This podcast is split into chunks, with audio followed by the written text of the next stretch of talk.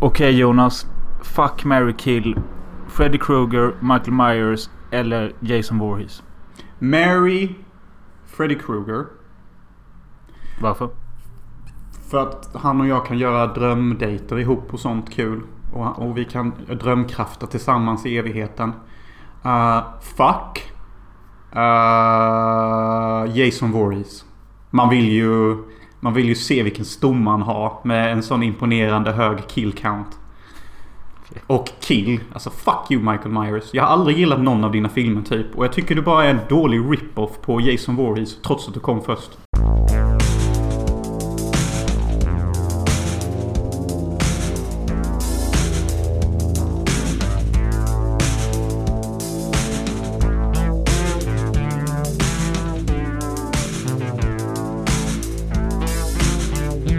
Det är alltså Filosofi Podcast med mig Robin Möller och Jonas Hansen. Som nyss pratade. Ah, fel, fel. Jaha. Gestapo Hansen. Ja, jag sa nyss att Jonas ser ut som en sån Hitlerjugend. Eh, det var väl u- eh, ungdomsparti eller ungdomsnazister i andra världskriget. Eh, och ja, de hade typ den här slickade luggen som du har nu och Ja, jag har en sån extremt vaccinerad slickad lugg har jag. Jag kanske inte ska snacka så mycket om hår för jag ser fan ut som professor Snuggles. Typ. Ja, ser ut som någon har chockerat dig i ryggen typ. Med en elpinne. Ja. Ja, det är fredag i alla fall och eh, ett, eh, ett avslutande Halloween-avsnitt. Är väl detta. Eller ett avslutande oktoberavsnitt. Ehm, Mm. Och eh, vi kommer i dagens avsnitt, precis som vi har gjort tidigare i månaden, prata om en helt ny film i form av Speak No Evil. En hidden gem i form av en belgisk film vid namn Left Bank. Och på slutet får ni klassikern Rosemary's Baby. Eller också som den är känd i Sverige. Rosmarins bebis. På, det är ungefär den nivån av humor vi har här i Sofie. Men ja, det kanske är därför också vi aldrig når de där 500 följarna på Instagram som jag tjatade om för ett par månader sedan. Att kan ni hjälpa oss nå 500 följare på Instagram? Vi har 493 nu. Vi behöver sju till innan året är slut. Kom igen nu. Det klarar vi, vi, vi. vi lovar att dra lika bra skämt som Jonas nyss gjorde. Om Jag ni- kan dra ett till. om- Nu när jag ändå är igång. Jag har ett Okej. skämt till som jag har knaprat på. Okej, kör. Okej. Eh, hur kommer det sig att inte igelkotten kommer på förfesten? Uh, han stack. Jag vet inte. Nej. För han taggar redan. Alltså det, det mest pinsamma är att jag tror typ att du har dratt detta en gång innan. Jag drog det för mina arbetskollegor på jobbet. Och de... eh, ja. Nej, det var typ denna reaktionen. Vilka bara vad fan Jonas. Nej, det var typ det de sa. Nej, det håller inte alltså. Det är inte bra. Jaha. Nej. De, de, de föredrar mitt kvinnoförnedrande skämt. Du vet det jag alltid drar som jag är så stolt över. Ja. Eh, eh, den är så jävla dålig också. Jag, jag, jag vill knappt inte ens ens dra den igen. Nej, vi kan avsluta med den så stanna kvar till slutet ni som inte vet det så ska ni få ett... Alltså det skämtet är topp 10 av topp 10 skämt världen någonsin har hört. Alltså jag Och det, tycker är, det det personligen. är inte ens ett skämt. Men mer Det om är det, ett skämt. Mer om det i slutet av podden. Ja. Mer om det i slutet av podden. Så det blir. Eh, jag ska bara säga det med. Jag har fått önskemål att eh, uppdatera eh, lyssnarna om eh, hur det går med min LCHF-diet och Book of Doom och allt det här. Det var länge sedan jag pratade om det nu. Det var väl snart två månader sedan jag började prata om att jag skulle testa LCHF och så. Ja, för som ni alla kanske inte vet så är Möller typ ganska lönnfet av sig. Han är rätt snygg och, och smal i facet och låren och armarna. Men allt fett och svett har dragit sig ner till kulan, också känd som hans mage. Och därför går han väl- runt och ser ut som Egbert emellanåt. Det är så jävla kul att du säger detta för, för två veckor sedan så hade jag våra vänner Joel och Alex här och vi hade ett skräckfilmsmaraton och söp i två dagar. Mm. Och då berättar, jag tror det var Alex eller om det var båda två. Men Alex sa i alla fall att eh, eh, de blev så besvikna när de såg mig. För de, de, vi har inte setts på över ett år och eh, Alex sa att när Jonas har pratat om din buk i podden så har jag förväntat mig liksom att du ska vara hur stor som helst. Och nu när man ser det så är det liksom ingenting. Och det var, de blev besvikna för de trodde att Book of Doom var verkligen Book of Doom. Ja, men din LCHF-diet kanske har funkat lite. Eller så drog du in den för att du skämdes framför dem. Lite grann. Ja. Eh, ni lyssnar får avgöra själva om Jonas överdriver lite eller om jag kanske inte är riktigt så fucking fet som... Nej men alltså, du är ju inte fet. Du har ju bara en riktig jävla eh, ölmage alltså. Ja. Hur som helst så eh, LCHF-grejen. Jag körde... Jag, jag skötte det väldigt bra eh, i kanske tre fyra veckor på vardagarna. Eh, helgerna blev det lite shit. Eh, inte jättemycket men det var någon helg där det blev liksom... Ja, shit. Eh, och sen, jag, jag vet inte hur många veckor jag gjorde det. Kanske sex veckor eller sju kanske. Eh, men anledningen till att jag bara, nej fuck det här. Det var för att det hände ingenting på vågen. Och... Eh, Men först, drack du öl också? På helger och sånt? Ja, men... Eh, Det kan du typ inte göra bruv. Nej, men alltså först trodde jag att det hände något för att det kändes... Jag trodde jag hade gått ner tre kilo. Så bara, ah nice. Men sen så några dagar senare så var jag liksom över vikten jag var innan jag började på LCHF. För då tänkte jag bara... Nej, fuck det här. Det är inte värt och, Alltså jag, jag vill inte äta mer broccolimos. Jag pallar typ inte. Det är inte värt det. Ehm, så nu är jag liksom tillbaka till mitt gamla liv och eh, liksom käkar toast och pizza.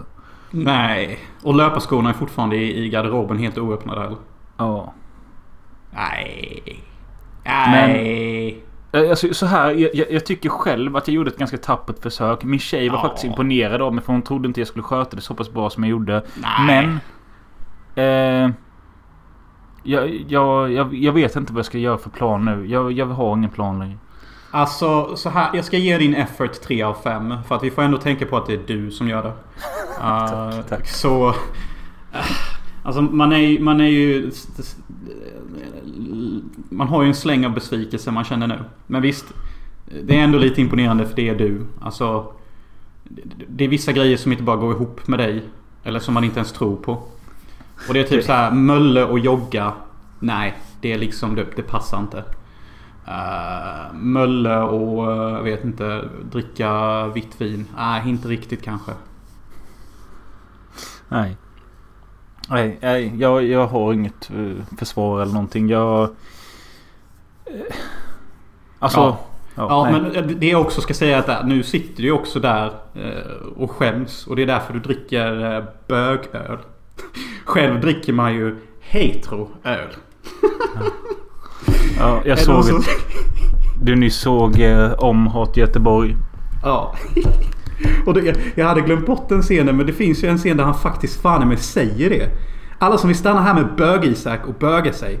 Ni kan göra det. Men om ni som vill hänga med oss och dricka heteroöl. Ni kan göra det. Och jag bara heteroöl? Skämtar du med mig eller? Det är fan det sämsta jag hört. Det är så, Hellre det mäkt, med bög-Isak alltså. det är så mäktig film. Jag måste köpa den så jag har den på fysiskt ex. Alltså anledningen till att jag såg om den var för att jag jobbar ju som eh, game presenter Ja. på kasino. Med svenska då.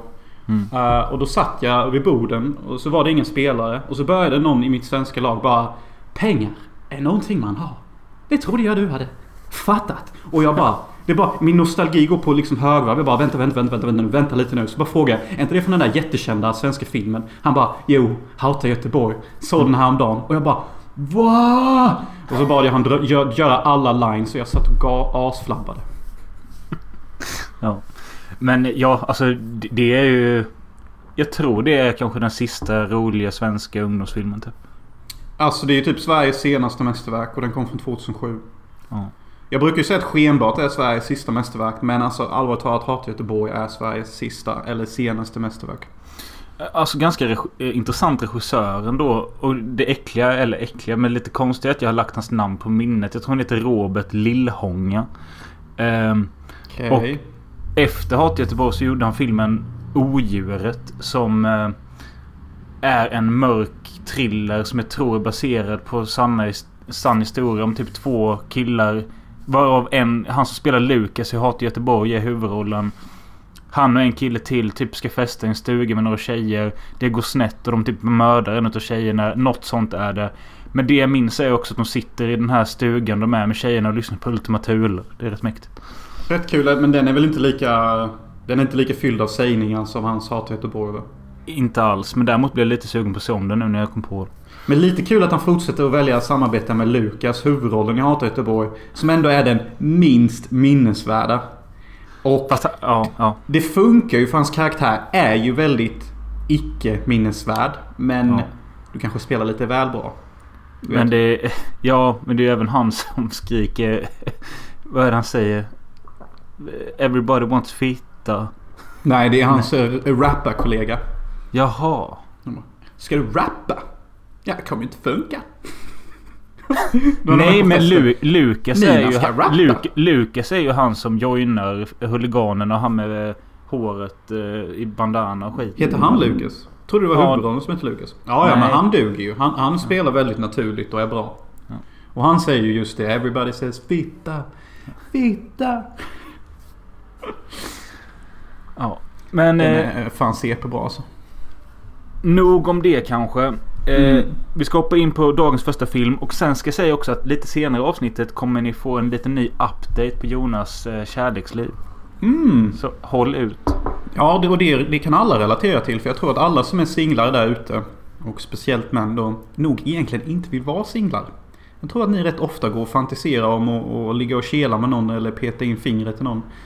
Eh, Så stay tuned. Så får ni veta hur det går för en man som själv håller på med den jakten. Och dagens första film är alltså den nyaste filmen i avsnittet. Den är från 2022. Heter Speak No Evil. Eh, originaltitel är Gästerna. Ja, Gästerna på danska. I want a toast to Italy, of course, to the food, of course, and to love. To love. Salute. Dear Louise, Björn, and Agnes, how are you? We were just talking the other day how nice it was spending time with you this summer. We would love to invite you to come to visit us. Ah, you made it! Sorry for the mess. It's gonna get much worse. Come on. För det är en dansk, dansk produktion av en kille som heter Christian Taffdrup. Eh, handlingen låter så här. Fan vilket tattigt namn han hade alltså. En dansk familj besöker en holländsk familj som de träffade på semester. Det som var tänkt att vara en idyllisk helg börjar sakta att nystas upp då danskarna försöker hålla sig artiga när obehagskänslan kryper allt närmare. Alltså allvarligt talat. Den här filmen fick mig till att må ganska illa alltså. Ja, Jag mår alltså det här... bra av den här filmen alltså. Det är ingen Eh. good feel alltså. Nej, eh, det var en kille som kommenterade på min Instagram när jag skrev att jag hade sett den. Att han skrev att det är årets bästa feelbad. Ehm, Jo, jo. Jo tack. Fattar du hur många gånger jag stängde av och bara gick ifrån filmen? För att sen komma tillbaka. Ja, men jag pallar ju inte med huvudpersonerna. Och det var det här vi pratade om i första oktoberavsnittet sa jag att... Tror jag att... Eh, det, det finns ju så många olika typer av skräck. Alltså Mm, mm. Du kan kolla på Zombie Fle- Flesh Eaters men du kan också se Speak No Evil som är... Det finns ingenting som liknar dem men båda in, är... Båda är skräck. Ja men skräck är en ganska versital genre fan nu när du säger det. Alltså zombie action är en typ av skräck. Sen har vi sån skräck som går under skinnet. Som typ denna filmen lite är. Sen så har vi ju liksom så här dockor som mördar folk. Skräck. Sen har vi slasherskräck. Sen har vi liksom spökskräck. Eh, Alltså det, det, det, listan är Det måste nog vara den mest versitala genren inom filmen. Ändå. Ja. Även Giallo är ju skräck typ. Alltså välklädda italienska män som mördar kvinnor. Visst kanske inte låter så jätteskräckaktigt men det är ju ändå skräck typ. Speak No Evil i alla fall eh, följer ju då ett danskt par som träffar ett holländskt par på semester. Och det holländska paret hör av sig till danskarna efter några månader eller veckor och frågar Ska ni inte komma och hälsa på oss? Det var ju ändå trevligt när vi sågs där på semestern. Jaha, det är så det hänger ihop. Jag fattade det som att de fortfarande hängde kvar i Italien och typ bara gick och hängde på deras eh, jävla stuga där. Så de åkte alltså till Nederländerna för att umgås med de där sjuka jävlarna. Precis. Ja, ja. Så danskt jävla B-par eh, blir kompisar med något jävla hottentott italienskt va? Eller hur? De är ni- de, ja, holländska. Ja, och de blir typ vuxna kompisar med varandra. För att båda har familj och grejer eller barn typ. Ja. Eh, om sånt här skulle hända i verkligheten. Eh, det tror jag kanske kan hända. Men det känns som att de flesta, alltså. Jag kommer inte riktigt ihåg hur dialogen går mellan det danska paret när de bestämmer sig för att gå med på detta. Mm. Men det känns som, alltså.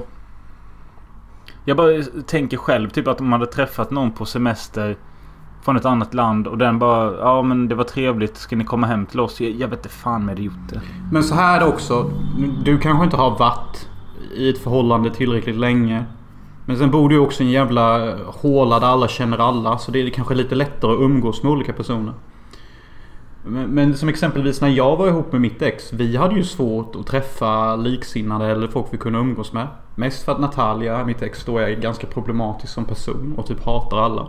Men för också du, du, för att... För du är ju så lätt. Bruv. I'm fucking eh, Jesus. Eh, Typ. Nej, det vet fan. Men alltså, det, alltså när man är ett par och speciellt också när man har ett barn. Alltså det är typ svårt att, att hitta någon att klicka med. För att liksom de här kompisarna man lär känna också. De måste också klicka med ens barn. Eller vara bra för ens barn. Så det är liksom, du måste ta in det i dimensionen av eh, kan denna personen vara min kompis? Så, Jo, absolut. Det, så när de ändå kommer överens så hyfsat som de gör där i början så make det ändå sense att de ska lägga lite effort i denna vänskapen. Annars kan det bli rätt ensamt som eh, familj. Ja, jag fick lite... Jag tänkte lite på filmen... Eh, vad fan kan man kalla det? Thrillerkomedin The Overnight. Eh, Ja, jo, lite åt det Eh, hållet. För där är det lite likadant att ett lite tillbakadraget eh, par möter ett mer utåtagerat par och eh, de är...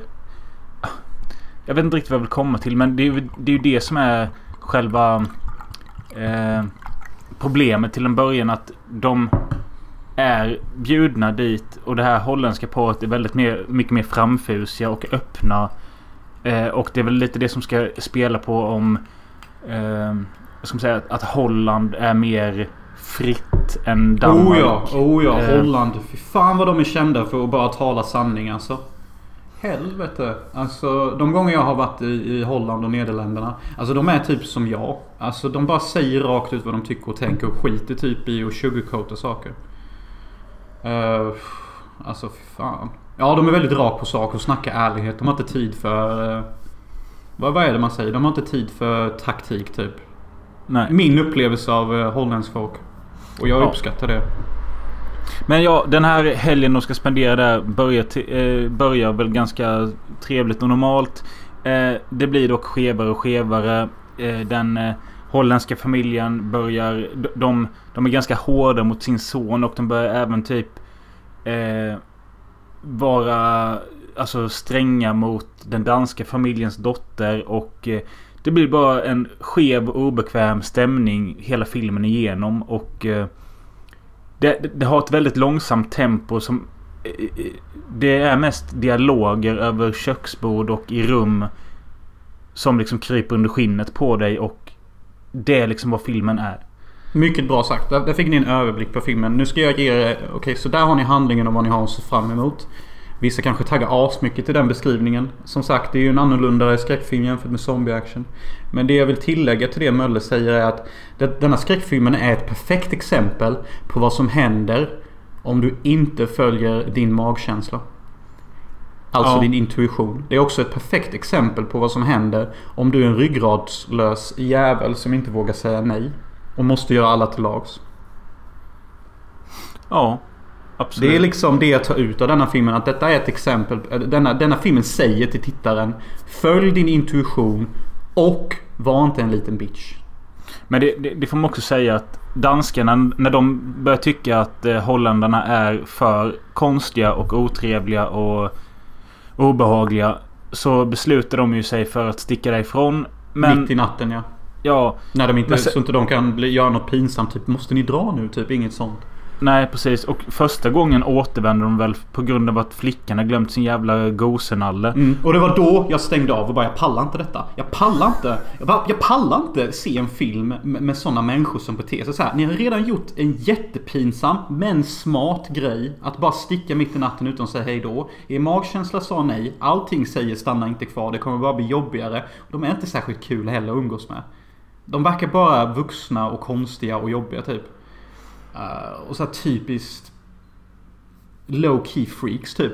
Ja. Uh, men sen så åker de tillbaka och jag bara nej, jag, jag, alltså snälla dö. Bara, bara dö. Typ. Ni, ni hade en snygg getaway. Ingen märkte att ni stack.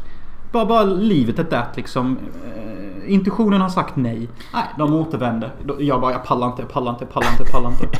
De är ju jättehemska och Jag, konstiga jag, de här håller, holländarna. jag, jag håller med dig för man sitter verkligen och känner så här bara Din dumma jävla idiot och liksom Jag tycker det är något kul med danska pappans uppsyn. Bara, alltså han ser så jävla förvirrad ut och han bara ler och fattar ingenting och Alltså jag hade tyckt det hade varit bättre om det var en svensk familj istället. För att det hade varit ännu större kontrast menar du? Nej men det hade varit mer trovärdigt. Så här, Ja. Jag ser inte alls danska som, som de har visas.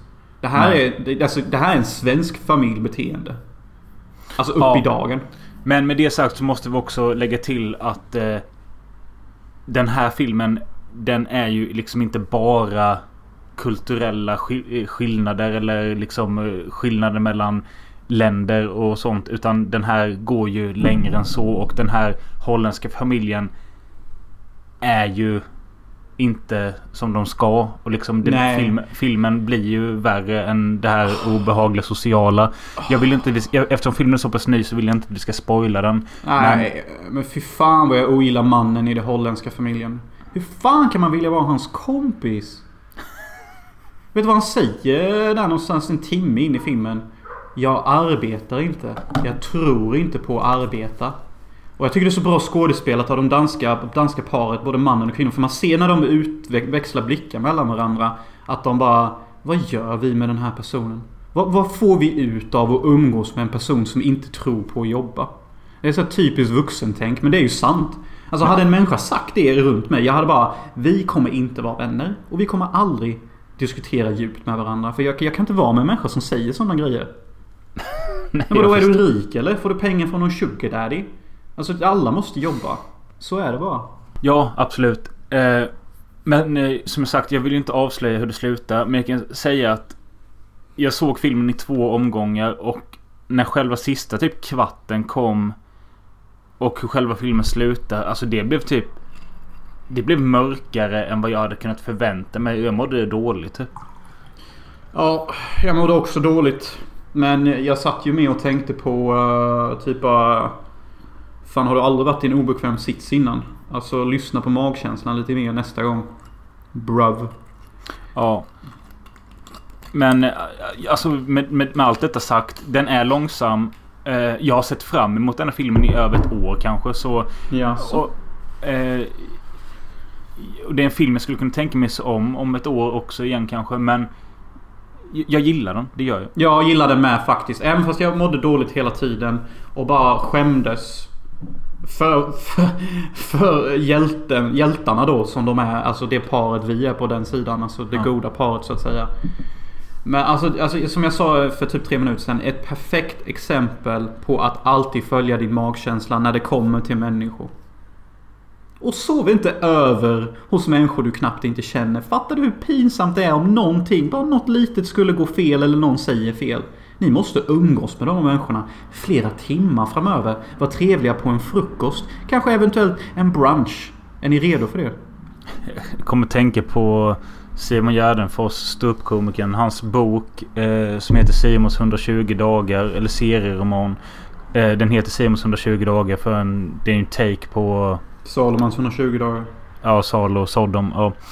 Eh, men där, den boken gick ut på att han under 120 dagar skulle sova hos okända människor eh, och göra en bok av detta och vad som händer. Alltså när han besöker olika människor. Det är ganska intressant eh, faktiskt. Eh, och det är någonting det hade varit jävligt kul om du hade gjort. Bruv, jag tror inte jag vågar alltså. Fattar du vilken... Alltså, jag följer min magkänsla ganska strict these days. Och minsta lilla varning från min mage och jag bara I'm out. Skitsamma liksom. Ja. Eh, jag ska gå och pissa och hämta en ny öl. Du menar en ny bögöl? Ja.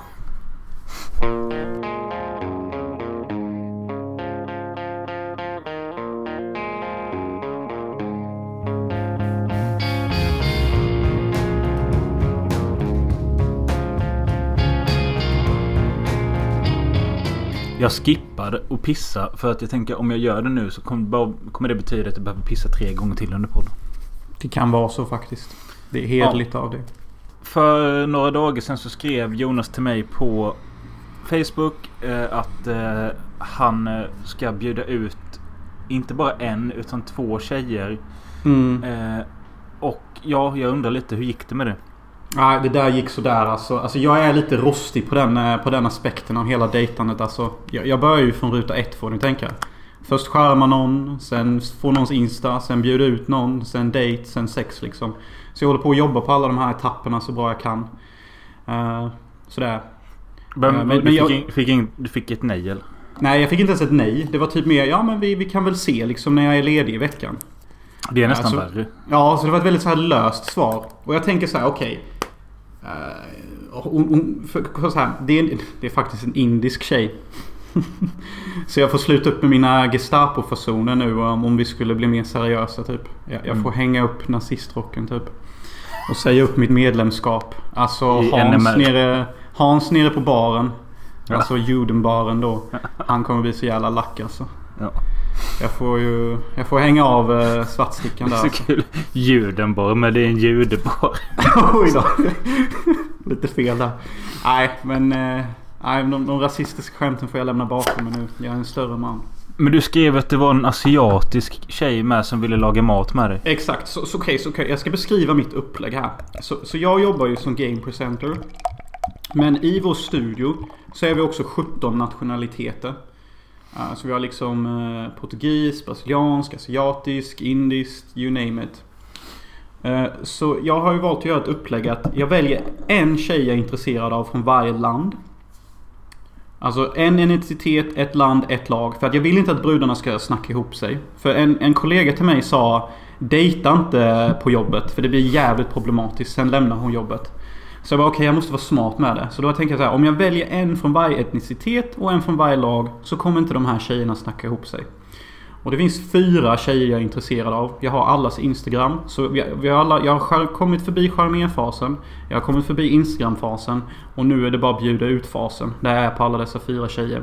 Och det är en indisk tjej. Jättevacker. Katriata eller något heter hon. Eh, en asiatisk tjej. Sjukt vacker och snygg. Hon heter Jukka. Sen har vi en tredje tjej. Hon är från Estonia och hon heter Sofia. Och hon är typ modell. Hade jag en fjärde tjej? Jo, den fjärde tjejen var en maltesisk dam så hon är faktiskt inhemsk. Och hon, hon vann Miss Malta för ungefär tre år sedan. Så den, den är ju lite att hålla ögat på. Så Miss vi har, alltså Malta. fyra, ja, så vi har fyra, fyra jättevackra damer här som jag håller på att jobba på. Eh, och liksom, alltså det är svårt med tjejer alltså. Ja men eh, vad sa du om den asiatiska tjejen? Det, det hon som lagar mat med dig. Vad, vad blev med det? Vad sa du? Nej men hon såg ju min Instagram-video som jag la upp där jag gjorde någon jävla räksoppa eller någonting. Ja. Och hon bara Oh that looks delicious. Uh, when are you cooking uh, next time? Frågar hon. Och jag bara Do you wanna do a cook together? Is that why you're asking? Jag vill liksom bli lite specifik. Och hon bara Yes. Och jag bara Wow. En tight brud vill laga mat med mig. Det är ju typ nästan som att... Uh, Göra barn. Ja, det är, ju, det är ju liksom så här. Jag vill komma nära dig. Det är ju den feelingen på den. Alltså en cook together. Bara du och jag. Okej. det, det. Så jag föreslog två dagar men hon kunde ingen av de dagarna. Så aha. Så jag får ligga lite mer på där. Jag får hitta en ny lucka. En ny tid som kan funka. Eh, när detta avsnittet släpps så är det ju sista, eh, sista oktober. Mm. Ska vi göra en, ett, ett tvång från mig och, och lyssnarna att innan sista november så ska du i alla fall gått på en dejt. Ja, det kan vi göra och det kan jag lova att fixa. Och det, det kommer bli någon av de här fyra. Det kommer antingen bli Miss Malta, Miss Asia, Miss India eller Miss Estonia. Så kan vi kalla dem. Så vi har fyra etniciteter. Ja. Och eh, jag är inte racist. Alltså, ni kanske tror det när ni hör på mig och ni hör vad jag säger. Men alltså så här är det. Hur kan jag vara rasism mot skönhet? Det går ju inte. Alltså är du vacker så är du vacker. Spelar ingen roll om du är svart, vit eller fucking Eskimo typ. Du är så vacker utan spackel. Jag vill bara lägga min säd på dig. Och slicka av det efteråt. Låten går inte så eller? Nej. Låt mig lägga din säd på dig och se dig skina i solen när det torkar in. Ja men alltså grabbar och damer, lyssna nu. Alltså, jag, är, jag är lite av ett freak. Alltså, Nej, är, vi slutar där. Det, det, blir Jag- ett jätte, det blir ett jättebra slut på det segmentet. Ja, ja. Fan alltså, jag är, jag är så kät. Det, det finns ingen hejd i mig. Jag är som en geting. Hela min gadd är helt fulladdad. Jag bara väntar på rätt blomma som ska öppna sig för mig. Okej, där blir det ett bra slut. Nej men jag vet ju att när vi gör... Alltså det spelar ingen roll vad vi pratar om egentligen. Så om inte jag stoppar dig så kommer det aldrig sluta. Nej, jag vet inte hur man slutar. Nej. Förutom när jag kommer henne i ansiktet. Då är det slut för mig och hon kan gå hem. Här har du 100 euro. Bye bye. Okej, där är slut. Det finns inget slut förutom när du kommer. Då kan jag känna mig nöjd och du kan gå hem. Nej, skit i det. Så för först, så först skulle du komma henne i ansiktet och sen så blir du inte nöjd förrän hon kommer. Då är du nöjd. Ja, då är jag nöjd. Men jag Det- är det är- ju... Det är ändå fint. Jag är en frodig gentleman. Jag njuter inte av sex förrän efter min dam har kommit. Då slappnar jag av och också njuter. Då är det bådas njutning. Se, det jag menar, jag, jag ska inte gå Ja, nu slutar vi. Där, där, stopp. Jag är alla tjejer dröm. De vet bara inte om den.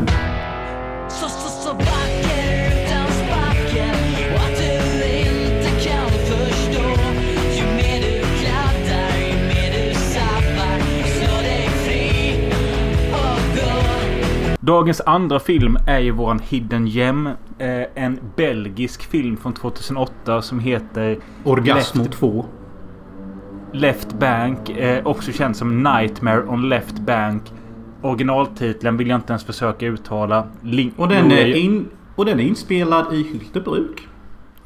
Eh, nej, men det, det ser ju faktiskt ut som typ någonstans i Sverige ibland. Ja, men du vet den scenen i början. För det handlar ju om en idrottstjej. Och hon är Ja. en löpare.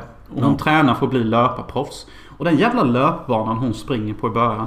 Ser fan exakt ut som den löparbanan som vi brukar ha träning på i Hyltebruk. Din jävla limhåla du bor i. Där man sniffar lim typ. Absolut. Och precis som Jonas säger, det handlar om en ung tjej som heter Marie. Hon är en eh, idrottare som efter en knäskada flyttar in till sin nya pojkvän. Hennes nya hem ligger i ett av Antwerpens ytterområde.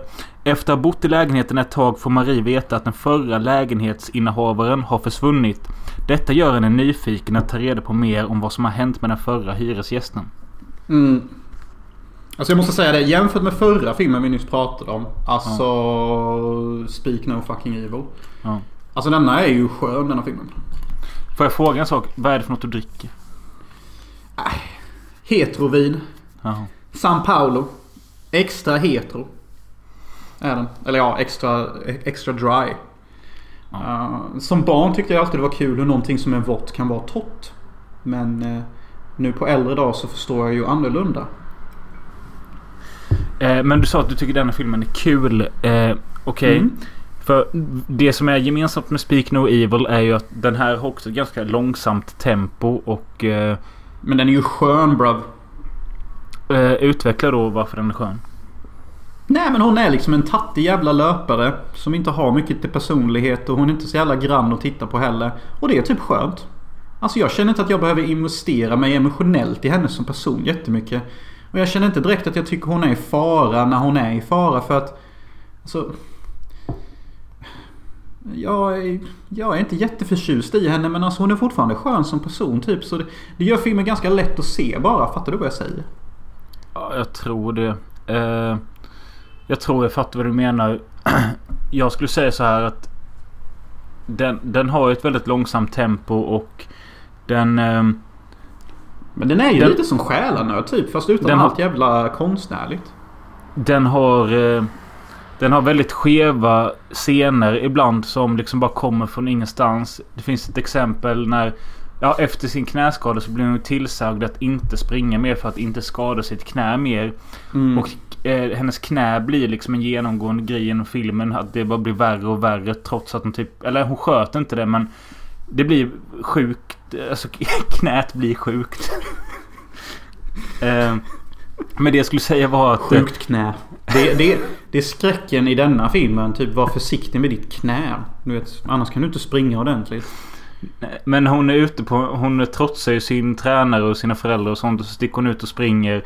Eh, och sen så hör hon ett barn skrika på en parkbänk. En liten bebis. Hon sticker dit. Sätter sig och ammar det här lilla barnet. Eh, för att det skriker efter mat eller något sånt. Sen så klipper de, till, sen klipper de till en helbild. Och då ligger det en fullvuxen man i hennes knä och ammar henne istället. Och jag bara... Vad fan är detta? Okej. Det här är ju lite flippat. Och då minns inte du detta? Nej. Det var ju typ det skevaste i hela filmen. Eh, Jag måste ha tittat bort. För att jag minns att det är en vuxen man som ligger och ammar henne. Men jag minns inte att det var en bebis först. Eh, ungefär så såg jag det också. För jag hade också tittat bort. Sen så bara vaknade jag till och bara spolade tillbaka. Och då såg jag det bara. Fan det är en bebis först och sen är det en vuxen man. Eh, och, och den lilla sekvensen. För detta utspelar sig mitt på ljusa dagen. Det görs ingen kuslig grej av det. Det är bara att det är så sjukligt skevt. Och det gillade jag som fan.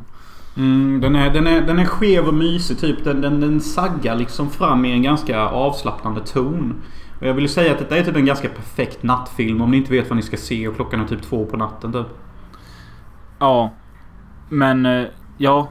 Det är ganska mycket sex i den också. Men jag ty- tycker alla sexscener i filmen känns ganska realistiska och eh, inte det här...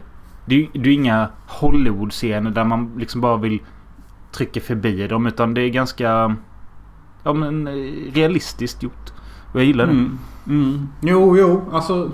Den är typ bara skön. Alltså det är typ vad jag har att säga om den här filmen. Alltså. Filmen är lite personlighetslös får jag nästan ge den. Den, den har inte mycket till karaktär. Ganska vanligt vitt jävla vin till film typ. Eh, den är bara liksom soft typ. Alltså det är en soft skräckfilm. Jag tycker ju att eh, den bygger upp jättebra i en timme. Men sen så att den bara liksom... Det känns som att den blir för konstig för sitt egna bästa. Och att den inte riktigt vet hur fan den skulle knyta ihop säcken. För sista stunden där så är jag bara... Jaha, vad fan ska hända nu då? Jaha, det hände. Ja, jag bryr mig inte. Jag, alltså, mm, exakt. jag det, är ju, jag- det är ju den feelingen. Den är väl holländsk också va? Ja, belgisk, holländsk. Ja, jag Ja. vet inte. Mm. Nej men vad fan. En jävla film om en löpare typ. Eh, Du- som du- ens- Du, du ska inte snacka skit om film om löpare. För det finns en jättebra film från 60-talet som heter The Loneliness of the Long Distance Runner. Riktigt bra. Jaha. Och sen när ser du så gamla filmer? Nej, jag vet inte. Sen jag började dricka bögöl. Just det. Just det. Det, är så, det är det som händer när du dricker bögöl. Prova lite heteroöl och du sätter på eh, Die Hard 2 Die Harder. Som är en väldigt hetero attraktiv titel. Ja, gillar man att se svettiga män i linnen och sånt så... Ja. Det är jävligt hetero alltså. Kommer inte att säga annat. Men i alla fall Left Bank som också heter Nightmare on Left Bank. Den finns att se på SF Anytime. Man kan streama den där. J- jag, jag gillar delar av den men som helhet är jag väldigt osäker. Alltså jag... Ja, Mm. jag vet. Mm, för mig var den liksom bara soft typ. Alltså jag, alltså jag har inte så mycket att säga. Jag bara Nej men du hade väl också rökt en bong eller något? Då blir ju allting soft. Ja, men okej. så här är det. Jag hade rökt en bong. Som du nu uttryckte dig. Det hade jag. Med mitt finger typ. Och eh, visst. Det, det gjorde filmen extra soft. Det, det kan man ju inte säga. Men alltså jag såg också uh, Speak No Evil. Efter jag hade rökt en bong. Och uh, mådde skit till den typ. Ha, så alltså jag har, kan. du, ha, har du en bong? Nej, men det, det var bara sättet du sa det på. Jag tyckte Ja, det var så kul. Du har rökt en bong! Typ, vad fan Men, är du? eh, Monica från Friends eller? När, när såg du en film nykter senast? Helt nykter? Bruh.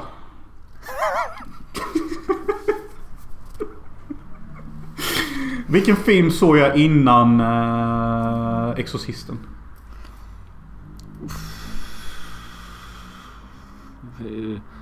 Till den podden typ. menar du? Jaha. Zlatan var typ den senaste filmen jag såg obänkt. Ja, ja. Ja, jag, jag, jag dömer inte, jag bara undrar.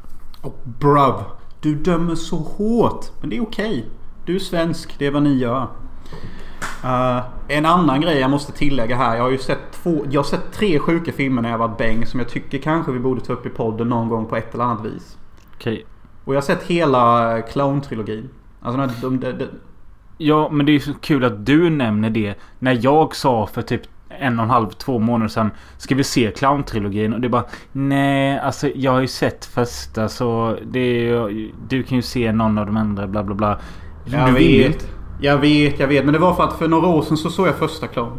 Och jag måste varit i något skevt tillstånd. För jag tyckte inte alls den var kul då. Och det kommer bli lite sad nu.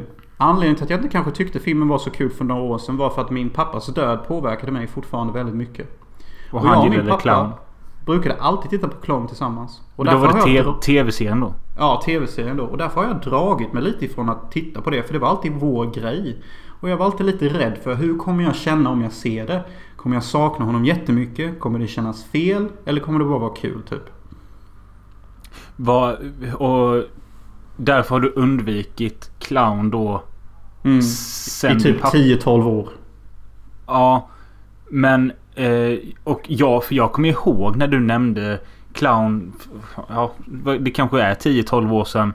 Mm. Eh. Och det är en metakomisk eh, dansk tv-serie om två, svensk, två danska skådespelare och deras liv typ. Ja, men för jag kommer ihåg att du nämnde det. Jag har aldrig sett det. Men så bara hörde jag, eller fick jag upp i något flöde nyss att Clown the Movie. Och jag bara, det här verkar ju riktigt jävla kul. Och så kom jag på att det är du, det du har pratat om. Mm. Och så såg jag att det finns ju en serie innan. Det finns rätt många säsonger. Åtta. Ja, eh, så kunde jag inte få tag i serien med svensk text. Finns ju med Eh. engelsk text. Ja, det kanske det finns. Men ehm, så tänkte jag att man, För jag vet eh, grannen, han har ju sett första clownfilmen tror jag. Han rekommenderade den också. Han sa att det är skitkul. Ja, fy fan jag såg den häromdagen. Fy helvete vad rolig den är. Jag höll på att dö. Men det blev, Men det inte är det, här jobb, det blev inte det här jobbiga då med din pappa och det. Nej, alltså jag försökte vända det till en rätt fin sak och innan jag satte på filmen så... Så sa jag faktiskt du är så välkommen att titta med mig om du vill pappa. För jag vet att du hade velat se detta. Jag tycker inte det. Jag tycker, jag tycker mer det är fint än roligt. Ja, ja. Det är väl det. Men han var ju så jävla mycket anti-cannabis. Så sitter jag där och rullar upp i min säng och bara Häng med och titta pappa. Samtidigt som jag tar en fet. Ja. Men eh, ja. Jag vet inte vad man ska säga om det. Det... Ja, jag tycker inte du ska inte känna någon ångest för att du sitter och rullar upp samtidigt. Det gör jag verkligen inte. Alltså, det, det var väl mysigt. Men alltså jag gjorde det mest för att tänk om han eh, tittar på mig eller någonting. Och om det är någonting han vill se mig göra så är det väl att, att se när jag tittar på clown. Eh, så, ja. Ja. Men Man är väl absolut. lite sån ibland. Eh, men du har alltså redan sett alla tre då? Jag har skrattat sönder. Ja. Men eh, jag, jag säger så här. Vi behöver inte planera detta in podd här nu. Men jag är ju jävligt sugen på att se dem. Så vi kanske kan göra någonting om det om ett tag i november Ja men vi kanske. kan se om dem tillsammans om du vill så kan vi se första clownfilmen igen när jag kommer på besök eller någonting. Det kommer vara skitkul. Absolut.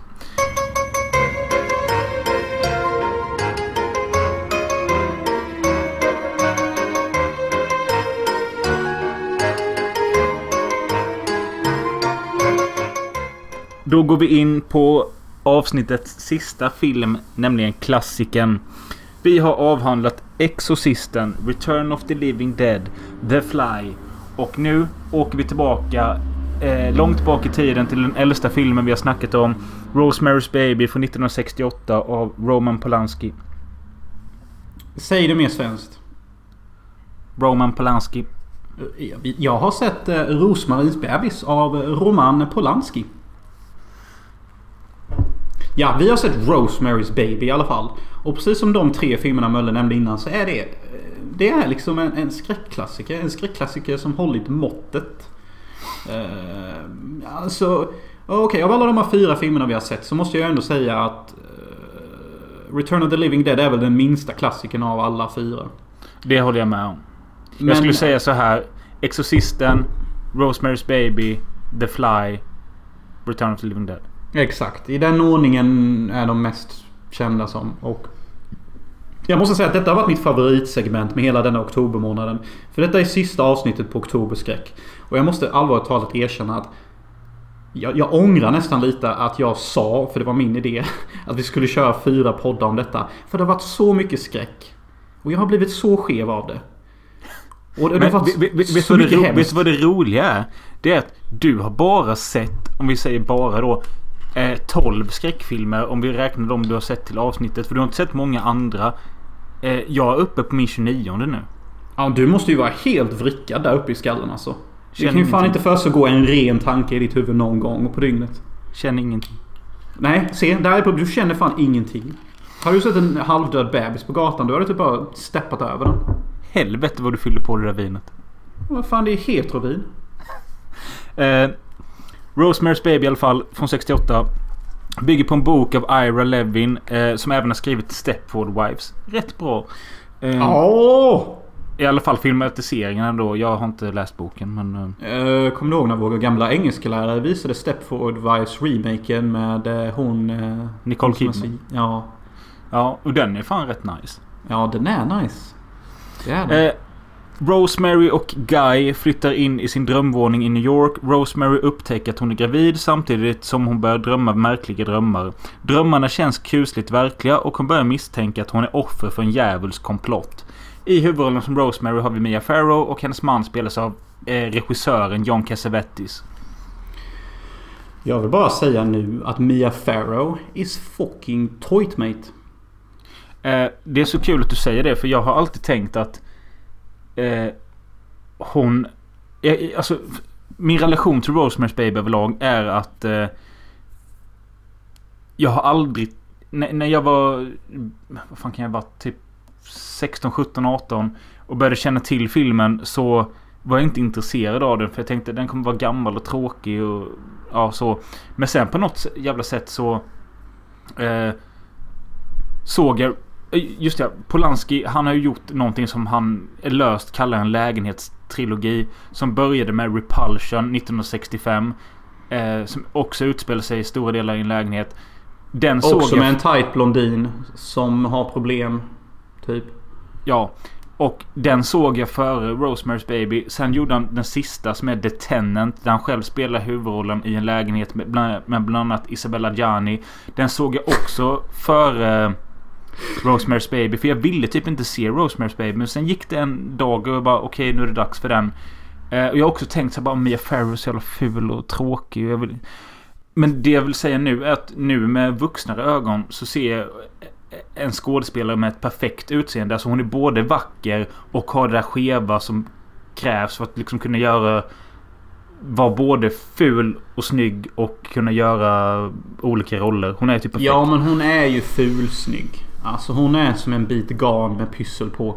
Det är ju, det är ju så man säger liksom. Eh, hon har bra uttrycksfulla ögon också och sån skit. Och, och eh, jämfört med hennes man skådespeleri så... eh, så är hon ju mycket, mycket bättre. Du gillar inte John Cassavetes? Nej, alltså. Hans roll är det väl inget fel på, på sättet han skådespelar på. Eller så. Alltså det är bara det att Mia Farrows karaktär och hennes skådespel är way bättre. Ja, jag håller med. Eh, John Cassavetes för övrigt är ju regissör. Han har bland annat gjort filmen A Woman Under the Influence som jag såg eh, tidigare i år. Rätt bra. Mhm. Eh, men eh, ja, vi läste ju upp handlingen. Nu kommer min tjej här. Jag ska... Annie? Hallå? Vill du att jag sätter mig i köket istället? Nej, okej. Eh, Ja, nu, nu, nu, nu får vi tona ner vuxenpratet. Mölles tjej har kommit. Nu, nu, kan ni glömma alla ord som, eh, som, som bög och sånt. För det, det tillåter inte Mölles moderna här. Jo, att de, de flyttar in i den här lägenheten som är jävligt, jävligt lyxig lägenhet. Är det i New York eller var är det någonstans? Alltså. Det här ska jag säga typ alltså att. Eh, okej, de, är, de är ett par, Mia Farrow och John. Eh, och de, de flyttar in i en lägenhet. Vi, vi, vi kan säga det är New York. Det spelar inte så stor roll egentligen. Helvete vad fucking 60 och 70-talen ut. Det ser ut som min jävla mormors jävla hus. Alltså den är så äckligt 70-tal och 60-tal. Vet du, det, det är de här, de här Mora-klockorna. Ja. Beiga jävla mockasoffor. tavlor med guldrama. Alltså ni vet allt det här som man alltid tyckte var tråkigt och segt. Och, och typ inte sexy alls. De, de älskar detta. För detta är så modernt då. För detta Ja. är 60 år bak i tiden där sånt här fult och gammalt inte var fult och gammalt utan det var nytt och fräscht. Ja, precis. Eh, och eh, de... Eh, ja, alltså den här filmen har också ett ganska långsamt tempo som bygger upp stämning och sånt. Hela nästan första timmen bygger på att de flyttar in och lär känna grannarna. Speciellt då ett äldre par som eh, är lite jobbiga och konstiga men eh, ändå trevliga. Ja men det jag Eh. tycker är så skevt med filmen är att mannen i det här förhållandet älskar de här grannarna. Och de här Ja. grannarna de är typ 60 plus. Och det här paret de är på sin höjd i sen 20-årsålder, tidig 30-årsåldern. Alltså, jag, jag tror Jag har ju hela tiden tänkt att Mia Farrow typ är 25 och Cassavetes kanske nästan 40. Ja, något sånt är det. Och jag tycker det är så skevt att han älskar att umgås med de här äldre människorna. Och han skaffar bara äldre vänner, 60-åringar, 70-åringar. Och de, de umgås med de här människorna, de här två. Och den enda som är klok i huvudet är ju Mia Farrow som säger vi borde umgås med yngre människor. Det, det, det är jobbigt med de här äldre personerna typ. Det är rätt kul faktiskt. Och jag bara, jo jag håller med typ. Det är jättekonstigt att ni bara umgås med människor som hade kunnat vara er föräldrar typ. Ja. Eh, och, och ungefär 20-30 minuter in i filmen så blir ju... Så händer ju en konstig sexscen typ. Där Mia Farrow har sex med sin man men det upplevs som att hon har sex med djävulen. Jag, alltså jag tror på riktigt att det är en timme in. Ja, det, ja något sånt är det. Det är långt in i alla fall. Och sen efter det händer... Vad, vad kände du när det hände då? För du har ju aldrig sett filmen innan kan vi säga. Nej, men jag tyckte det var jävligt skevt och effektivt när mitt i drömsekvensen när hon upplever den här sexdrömmen. Att hon kollar in i djävulens ansikte och hon säger This is real. This is Ja. actually happening. Och hon säger det på sånt, sånt trovärdigt sätt att hon liksom... Det är ungefär som att jag sitter här och dricker rödvin och säger detta är på riktigt. Jag dricker rödvin. Ja. Nej jag vet, jag tycker det och jag blir gör så, det. Det blir sånt typ chill så att eh, man bara oh shit. Och det var jättebra. Och eftersom hennes skådespel var så bra så tänkte jag ja men det här händer faktiskt. Hon blir fucking våldtagen av djävulen. Sen med tanke på att det är en skräckfilm och den heter Rosemary's Baby. Då kan man ju ganska lätt anta att ja, djävulen slank in sin dase där på något sätt. Hur fan han gjorde det vet jag inte. Eh, ja, alltså den här kan vi ju spoila. Hon blir eh, raped by the devil typ. Och eh, jag älskar scenen på morgonen när hon vaknar upp med rivsår på armarna och eh, mannen förklarar bara ja alltså vi planerar ju få barn och jag vill inte missa baby day. Så jag, jag låg med dig fast du sov. Och så skri- han, sa, han säger exakt så här. Kind of fun in a necrophile sort of way. Ja, och jag bara tänkte ja, detta är en äldre film. Det är bekräftat nu. För oavsett om detta hade varit samma scen i modern tid så hade de inte skrivit det på det sättet. Nej. Inte alls. Eh, hon blir i alla fall gravi- gravid, blir jätteglad. Eh, men samtidigt skevar hon också ur mer och mer. Kommer hem en dag, har klippt av sig håret och är likblek. Och jag älskar vad mannen säger. Ja, vad säger han? You look horrible. Och sen så säger han ju typ två minuter senare The worst mistake you ever did was that haircut. Ja, han säger också Don't tell me you paid for that. Och det är också så här skönt när man ser äldre filmer. Hur mycket öppnare och friare män i relationer är med sin kvinna. Alltså Ja. de, de slänger ut sig så många mer hårda saker än vad man gör nu. Alltså typ nu för tiden när man ser ett parfilm eller något då är oftast mannen väldigt hämnad. Och du blir försiktig med sina ord. Men typ 60, 70, 50-talet. Där är det liksom bara vad fan är det för jävla frisyr? Du ser fan ful ut. Jag vet inte om det är någonting som står i boken. För det, det är kul att han som skrev boken, Ira Levin då. Eh, han sa att eh, Rosemary's Baby-filmen är den mest... Eh, vad heter det? Li, lik sin bok. Vad fan är ordet? Alltså den är... Lik, liksinnad. Tro, tro, tro... Vad fan är ordet? När någonting är likadant. Truthfully. Ja precis. Ja precis. Det är likadant som sin, före, sin föregångare. Fan jag kan inte prata. Ja, ja. Jag tror, jag tror Eh, lyssnarna fattar. Filmen är jävligt lik boken och Ira Levin då eh, har sagt att... Eh, eller nej, det var någon annan som sa att han tror det beror på att detta var Roman Polanskis första adaption av någons annans verk och att han inte trodde att han fick göra några ändringar. Så filmen är nästan identisk med boken och det var därför jag började fundera på om de här linesen kanske redan finns med i boken. Alltså nekrofilsnacket och...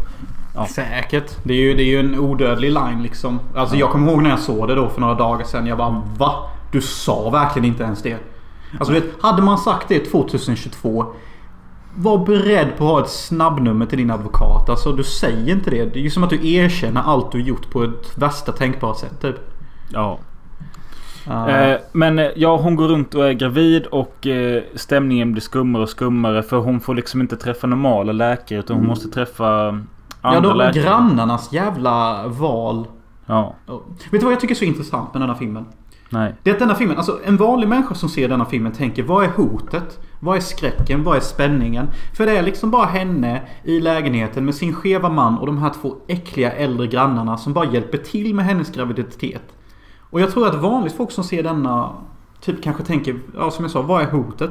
Men det som denna filmen gör så himla bra, som är så subtilt och effektivt.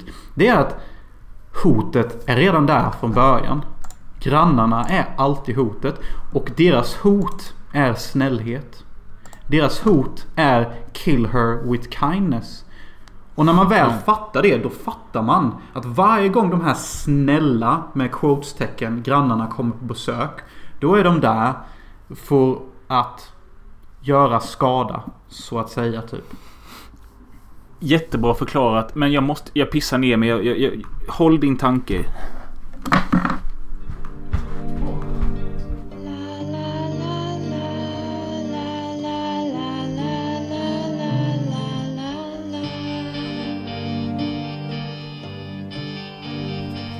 Ja, jättebra förklarat. Eh, och eh, det är ju det att vi tittare är ju med Mia Farrows eh, tankegångar hela tiden. Och det är ju det som gör skräcken. Mm. Liksom att vi blir lika paranoida och eh, skeva som hon blir. Att vi fattar ju att vi fattar ju att det är något som inte stämmer och eh, vi har samma känsla som hon har i och med att hennes man tycker bara allting är kul och han trivs ju med grannarna och Ja men han är ju en fucking pensionärsälskare. Jag tycker han är jättekonstig alltså. Vad är det som är så kul med dessa äldre människor? Men sen i slutet så hajar man ju varför han var så jävla kåt på de här äldre människorna. Men alltså det jag måste säga att det tar fucking lång tid för henne att inse att det är, att det är ett gäng satanister som bor i hennes lägenhet och att de är sugna på att föda djävulens barn ur henne. Jag som modern 2022 människa fattar ju detta på två minuter. Jag gör ju bara en google-sökning och sen så fattar jag ju hela komplotten. Men detta är ju 1966. Vi får ju anta att de inte var lika konspiratoriska eller klipska på den tiden. Det är kul att du säger det med för det händer inte mycket i filmen alls egentligen. Men det 15 minuter in i filmen när de har flyttat in i lägenheten och ligger i sin säng första dagen. Då hör man liksom sekt-chants på andra sidan väggen. Hejo, hejo, hejo. Man gör det alltså. Det Och, och de reagerar men de säger ingenting och sen är det klipp till nästa scen. Mm. Det händer ju inte jättemycket i filmen. Den har ett långsamt tempo. Men den är också ganska mysig att bara hänga med i. Alltså, eller vad känner du? Jo, jag känner att den är, den är, den är, den är mycket mysig. Alltså, och, den, är, den, är, den är... Alltså det är ju mest Mia Farrow som går runt i lägen och, och anar ugglor i mossen. För att uttrycka mig gammalmodigt. Och, och, och eftersom inte internet finns tillgängligt så tar det lite tid för henne att- pussla ihop hur faktiskt mysteriet ligger till. Men eh, som modern konspiratör så fattar man ju direkt. Eh, men jag måste säga att när väl payoffen kommer i slutet. Fan vad jag tycker filmen blir mysig. Du menar att när då Mia Farrow eh, går eh, och eh, eventuellt ska föda och hon vaknar upp och får reda på att nej men det, det blev typ missfall. Och sen så får hon höra Ja, de säger det typ på det sättet. Mannen och grannen kommer in och bara äh, men det blev typ missfall och din, din dotter är död. Och mannen bara äh, men du vet vi kan försöka igen om två, tre veckor. Det är väl inte så farligt. Nej, du har varit gravid i åtta månader och nu dör bebisen. Inte så farligt. Du har bara bondat med en bebis i åtta månader. Inte jättefarligt. Nej. Och sen så bara är det så skevt att hon börjar höra barnskrik. Så bara, eh, jag tror mitt barn lever. Så bara, nej, nej, nej, det, nej, nej. Det är så jävla... Du, du, du har trauma Mia. Du är en 60-talskvinna. Gå och rök en joint eller ta LSD typ. Nej men så men, du menar att det är mysigt när hon kommer in till grannarnas lägenhet och där sitter liksom varenda pensionär i hela lägenhetskomplexet. Alla som är med i den här sekten och eh, de har en liten vagga med ett upp och nervänt kors över. Det är typ gulligt. Ja, de har ett supersött upp och nervänt kors. I en svart dränkt vagga. Alltså svart Hollywood eh, buttricksnät typ. Det ser jättegoofy ut. Och där, där så, så hon, hon öppnar en, en, så här, Mia öppnar en hemlig dörr i Ja. hennes lägenhet. Och hon går in till en hemlig lägenhet där de här jävla 24 äckliga pensionärerna sitter. Plus hennes jävla toffelman. Eller vad fan man än ska kalla Just honom. det. Ja, de sitter där typ och pratar om Vi djävulen. och måste också nämna att ha- han är ju egentligen ett jävla svin i hela filmen. Alltså, han är ju, han är ju en skådis det inte går bra för. Och han, han, han snackar ju Ja. bara om sitt jävla jobb. Att han kanske ska få en ny roll. Håller på att öva och gå på kryckor hemma och sånt. Han är ju fan rolig. Och det, ro- ja, det roliga är att han är så dålig skådespelare också. Vilket är ett tecken på hur duktig skådespelare han är. För att hans skådespel i filmen som skådespelare är typ Next, please. Uh, ja, ja, men det, eftersom filmen blir jättemysig tycker jag. För hon går in i den här hemliga lägenheten och där har vi alla gulliga sektmedlemmar samlade. Och, och så säger en av pensionärerna du vill inte gå fram och titta på din bebis typ. Alltså det är ändå din bebis typ. Och alla tar typ nästan Mias sida. För att även fast det är djävulens son som ligger där bokstavligt talat. Så är ju ändå Mia mamman. Och alla har en viss mysig respekt för henne. Att hon genomled denna graviditeten och faktiskt födde djävulens son. Och jag tycker det är så himla mysigt hur de visar så mycket respekt för henne. Och, och speciellt den här ena pensionären som bara Du ska inte prova att gå fram och vagga barnet. Och då säger Mia Du, du försöker få mig till att bli eh, barnets mamma. Och han säger odödligt Men är du inte det då? Och jag bara Wow! That comeback, den kan du inte käfta med. Du är faktiskt hennes, äh, djävulens son mamma alltså. Men jag tycker också det är där vi får kanske det som... Jag kan hålla med att det blir en väldigt sån här komisk och uh, familjevarm känsla där inne i det rummet. Ja men det blir ju det. De alla umgås och bara nu har vi djävulens son här. Vi är en sekt. Vi ska hålla ihop. Vi är dream team liksom. Alltså det blir ju Ja, nice ju. men jag tycker också att det, det, det är nästan filmens obehagligaste sekund också. När eh, Mia Farrows kollar på ungen och eh, skriker vad är, för, vad är det för fel på hans ögon? Och då säger ju den gamla gubben bara Det är inget fel, han har sin pappas ögon. Och så bara vrider de kameran in mot eh, Mia Farrows man när han står och håller för ögonen så här med handen framför ögonen. Och det, jag tycker de sekunderna han håller för det, man tänker bara Va? Är han ond? Eller är han djävul? Han djävul? Nej men han, Det, täck, det han täcker sina ögon. Men det är bara för att han står så här och sen tar han bort det. Men det är ju meningen att man i en sekund ska tro att det är något skevt med han. Men han tar bort handen så här, men just de där sekunderna när, när de säger He has his father's eyes och pappan står och håller för sina ögon. Det är jävligt bra. Ja men okej det minns jag inte riktigt just den sekvensen. Men så som du beskriver det låter ju det intensivt som fan.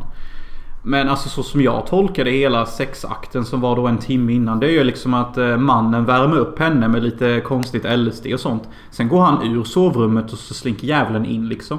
Men det är inte... Alltså då innan hon blir raped by the devil. Eller det är inte innan det hon får den här chokladpuddingen som är spetsad eller? Jo, det är innan det. Och den är ju För det, spetsad det, utav det, det, helvete. det är ju inte mannen som gjort det. Det, är ju, ju grannkärringen som kommer med det. Så det är inte mannen som har förgiftat Ja, det är ju grannen som gjort den. Och det Ja. är ju... Nej, nej men alltså...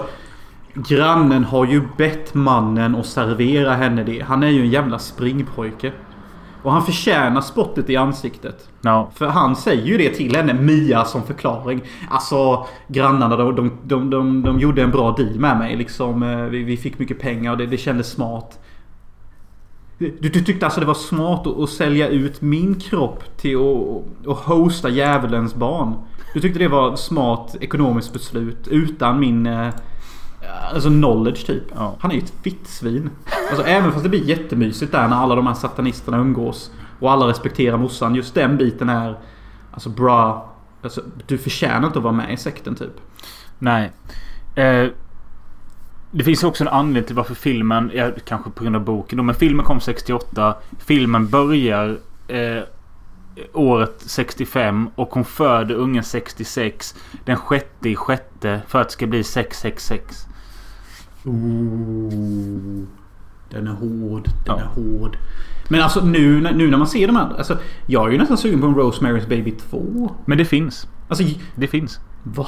Ja, jag ska se När exakt. de är värsta sekten och familjen. Vänta lite här nu. Uh, Rosemary's eh, baby.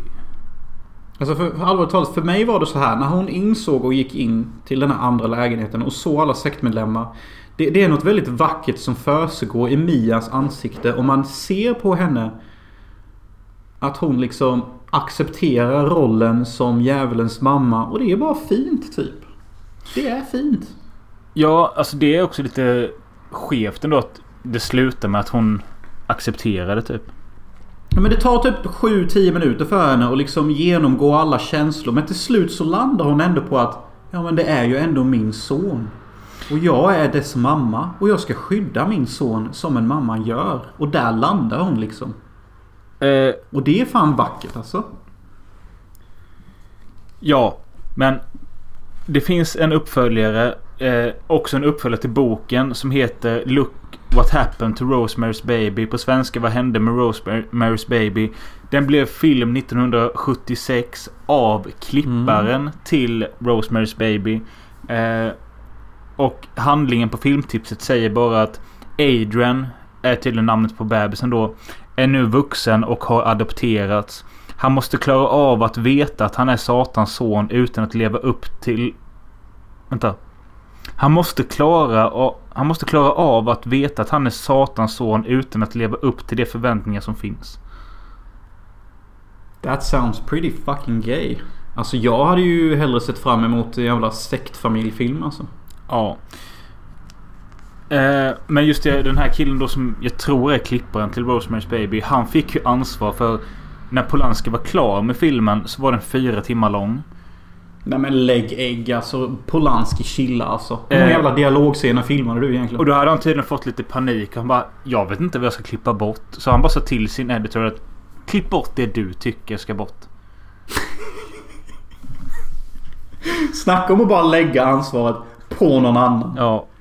Det tyckte det var lite kul. Ja men då är alltså detta är ju inte en Roman Polanski-film. Detta är ju klipparens film. Ja. Mer, mer än Roman Polanski så är ju detta klipparens film. Ja. Eh, Alltså det, det är ju fan inte eh, Rosemary's Baby by Polanski utan det är ju vad fan han hette. Sam någonting. Men... Eh, Ja det är ju Rosemary's Baby directed by Sam. Eh, men jo, eh, det jag skulle säga med var att om man tar den här lägenhetstrilogin, alltså The Tenant, Repulsion och Rosemary's Baby. Det är en ganska intressant trilogi som är liknande varandra men också skiljer varandra på några sätt. Och enligt mitt minne så är The Tenant kanske den bästa, men jag är osäker på den åsikten. Och det är den jag inte har sett heller. Ja. Men... Eh, jo- vad fan var det? Jo, att det känns ju verkligen som de som har gjort Left Bank som vi nyss pratade om har sett de här filmerna. För det, det känns ju som den kunde vara en remake utav något av det här. Ja, den har ju lite influenser från, eh, från alla håll där. Det får man ju faktiskt ändå ge den typ. Eh, det får man ju göra. Alltså Left Bank är också en sån där jävla soptunneskräckfilm alltså. Ja. Ja men alltså jag menar du har inget bättre för dig eller inget bättre att se typ. Alltså jag, jag, jag, jag säger inte att filmen är skit. Och att den inte är värd att se. Men det är fan en garbage movie alltså. Ja. Ja, visst. Men eh, jag har lite trivia om Rosemary's Baby som jag tyckte var kul. Och det var... Jag har för övrigt... Innan vi startade podden så såg jag behind the scenes-filmen som ligger på min DVD. Som heter Mia and Roman. Eh, som jag, jag läste på nätet att det där är en väldigt skum behind the scenes-film. För den, alltså den är så flummig och skev. Och eh, jag ville se varför är den det. Och det är den verkligen. Den handlar liksom typ inte om filmen. Utan man får se att Polanski snackar om att vad han gillar att göra på fritiden. Jag gillar att köra racingbilar. Eh, och eh, han pratar också om att egentligen vill jag ha någon sexigare tjej än Mia Farrow. Ehm, Jag tycker det var så, jag förstår, jag förstår varför det fanns kommentarer om den här behind the scenes filmen. För den är, var jättekonstig. Jag vill egentligen ha en sexigare tjej liksom. Men så sa en producent att Mia Farrow är rätt bra. Hon kunde pulla av detta bättre än någon sexig. Han bara okej. Ah. alltså jag vet inte ens vad jag ska säga om det. Alltså det låter ju som någonting man själv kunde sagt. Ja. Eller har sagt typ. Men också... Bra, alltså Mia är fin. Hon är lätt på ögonen. Hon kanske inte har feta tuttar eller röv som sticker. Men hon har väldigt fina ögon. Och snällt ansikte alltså. Sen får man se när Roman Polanski övar fäktning. Nej men lägg av. Vad är detta för jävla runka av mig behind the scenes? Och sen får man se när Mia Farrow är på sättet. Men istället för att prata om filmen så introducerar hon sin katt. Så vi får lära känna katten.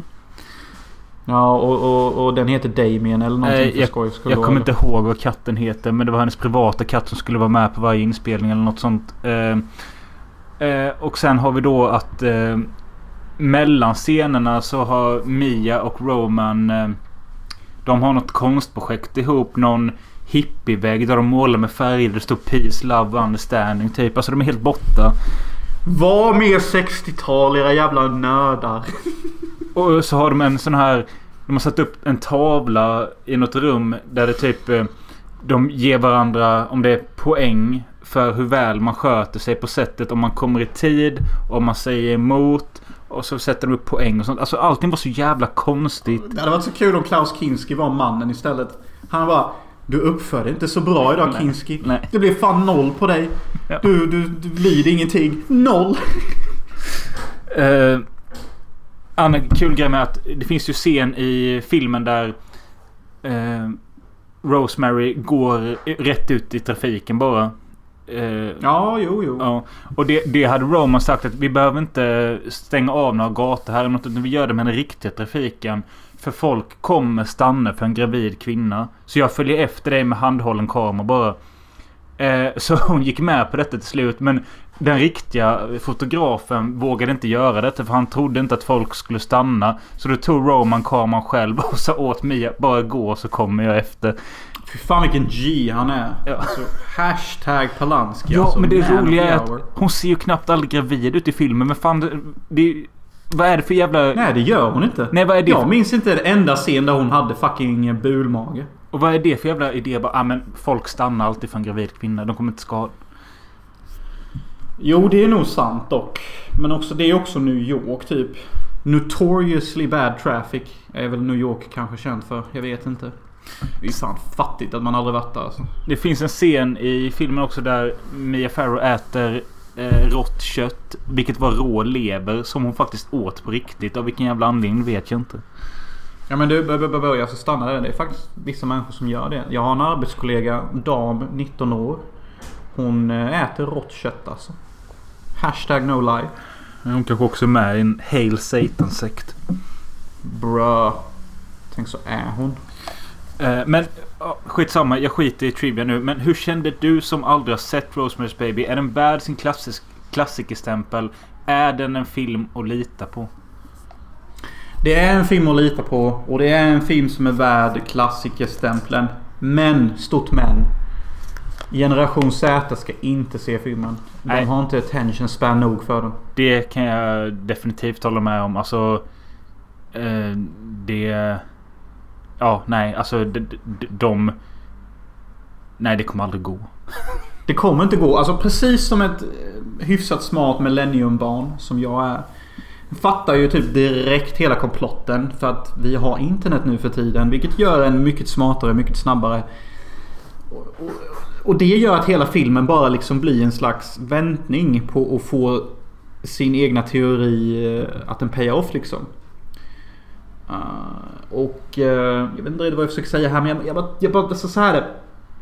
Det händer för lite för att en modern ungdom ska kunna palla filmen. Ja, det, det är absolut. Och... eh, Det, är- det är den typen av skräckfilm. Alltså det är ju nästan egentligen inte en skräckfilm. Nej. Det enda jag tyckte var väldigt ångestladdat och jobbigt. Det är hur snälla de här grannarna är. Jag tål dem inte. Varje gång de kommer över med sin jävla mjölkblandning som hon ska dricka eller någonting. Jag, bara, jag, jag får bara en sån här äcklig känsla. Jag vill bara trycka ut dem genom dörren och bara dra åt helvete med er. Typ. Jag pallar inte med er snällhet. Nej, de Låt är, mig dricka min whisky med barnet här och hålla Kan- käften typ. kanske finns en anledning till att den äckliga kärringen sen skulle gå vidare till att spela Maud i filmen Harold and Maud. Åh fy fan! Vilken... Alltså klök på den. Alltså varje gång jag hör filmen Harold and Maud. Alltså så här ska jag säga om Harold and Maud.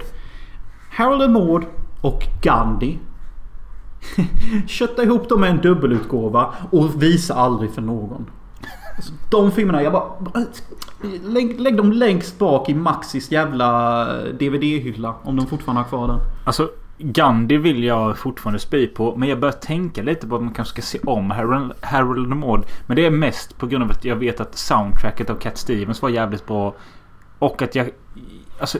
Nej, jag vill fast inte se om den. För jag, nej, jag har, nej, jag vill inte se om den. Kommer du inte också ihåg när vi såg Harold and Maude i gymnasiet hur mycket fucking praisad den ble- blev av vår filmlärare Thomas? Han bara Harold and Maude liksom. Det är en klassiker. Det är, det är en bra film liksom. Den är Prime Hollywood fast den är inte Hollywood. Han, han, han snackade upp den filmen som värsta pangbruden typ. Ja. Sen är det denna jävla äckliga film om... Inte fan vet jag. Någon skev Beatles-unge som gillar äldre damer typ. Ja men det är ju det ju. Det är ju en skev Beatles-unge typ. Han gillar Beatles. Hans favoritlåt är Yesterday. Hans favoritligg är liksom ja, en gammal dam 80 plus liksom. Det är så han tänker. Det är så han lirar. Och det är denna filmen vi ska se. Vi har i alla fall gått i mål med våran oktobermånad. Och det har varit en jobbig månad för Jonas. Ehm, Bruh. Det har det alltså. Alltså de, här skräckfilmerna har fuckat med min hjärna. Alltså jag vill bara se Nalle Puh, Bambi, Min Lilla Pony. Och typ, eh, inte fan vet jag, någonting om hjältar och snygga damer som Sagan om ringen. Typ, jag, må, jag, måste, jag, måste reparera mitt huvud. Jag har massa mörka tankar här uppe om, om kråkor som äter lik och, och damer som pissar på djävulen typ. Jag pallar inte mer. Nej. Eh, därför får vi göra något helt nytt i november. Och eh, vi kan ju även avslöja att du kommer hit i december. Och då kan vi göra andra Mm. roliga grejer. Kom med Mm. förslag på vad vi ska göra. Och eh, ni får inte glömma heller att eh, bli patrons. För 10 spänn kan man liksom få ta del av saker vi inte pratar om här. Och just nu har vi något, eh, någon följetong med nostalgisk filmografi. Och vad gör vi där? Jo, vi tittar på äldre filmer som vi gjorde mellan eh, ålderdomen ungefär 10 år till typ när vi var 25. Eh, så det, det är en rätt god grej. Så, så, så vi tittar på egna filmer vi gjorde. Jag gjorde massa westernfilmer och actionfilmer. Och, och Mölle drogs med åt Lars von Trier hållet. Och det, och det står jag för när jag säger. Mölle är en ung Lars von Trier. Eh, Mölle har en väldig talang för det obehagliga. Eh, Och samtidigt det konstnärliga och roliga i en perfekt trio. Medan jag är mer en eh, spektakelperson. Typ. Eh, jag, jag förstår vad som gör en scen ett spektakel. Typ. Det är jag. Mölle förstår vad som gör en scen obehaglig. Typ. Och vi fattar redan det i ung ålder. Vilket jag tycker är häftigt att se. Typ. Så nu, inom nu praisar jag ju våra egna filmer jättemycket. De är ju skit och skitdåliga. Men alltså det är ju typ det hållet vi lutar åt. Ja, så in och bli Patreon för att se detta. Och även hör, alltså det finns ju, jag vet inte, 25 gamla eller extra avsnitt som man får tillgång till och eh, lite annat smått och gott. In och bli Patreon. Eh, just ja, vi har fan fått en ny Patreon. Eh, den Mm. gamla Unneryds-legendaren Felix Paulsson. Ja, yeah, the man, the myth, the fucking king. Nej, men då finns det inte mer att säga egentligen mer än att du ska dra ditt fantastiska skämt. Mm, ja absolut. Ni har väntat länge nog. Jag häller upp det sista i mitt vin här. Mm, den, den, eh, fint ljud på den. Okej. Mitt skämt. Då detta skämtet är legendariskt. Det är det. Vill ni ha svenska versionen eller engelska versionen? Engelska.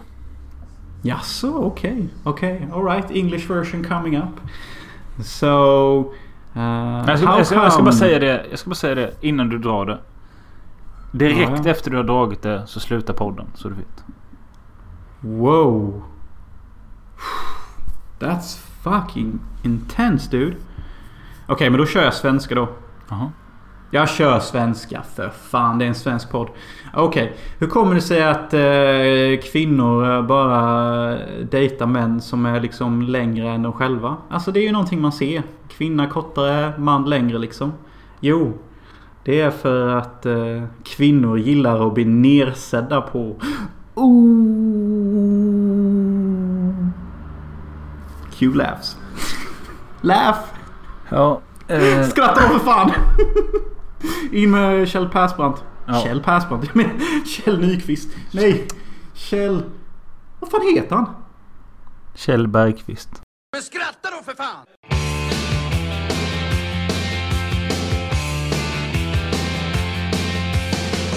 Under the October with the steamboats, ancient goblins and wallows come at the grand line making a sound. The smell of death is all around. And at night when the cold wind blows, no one cares.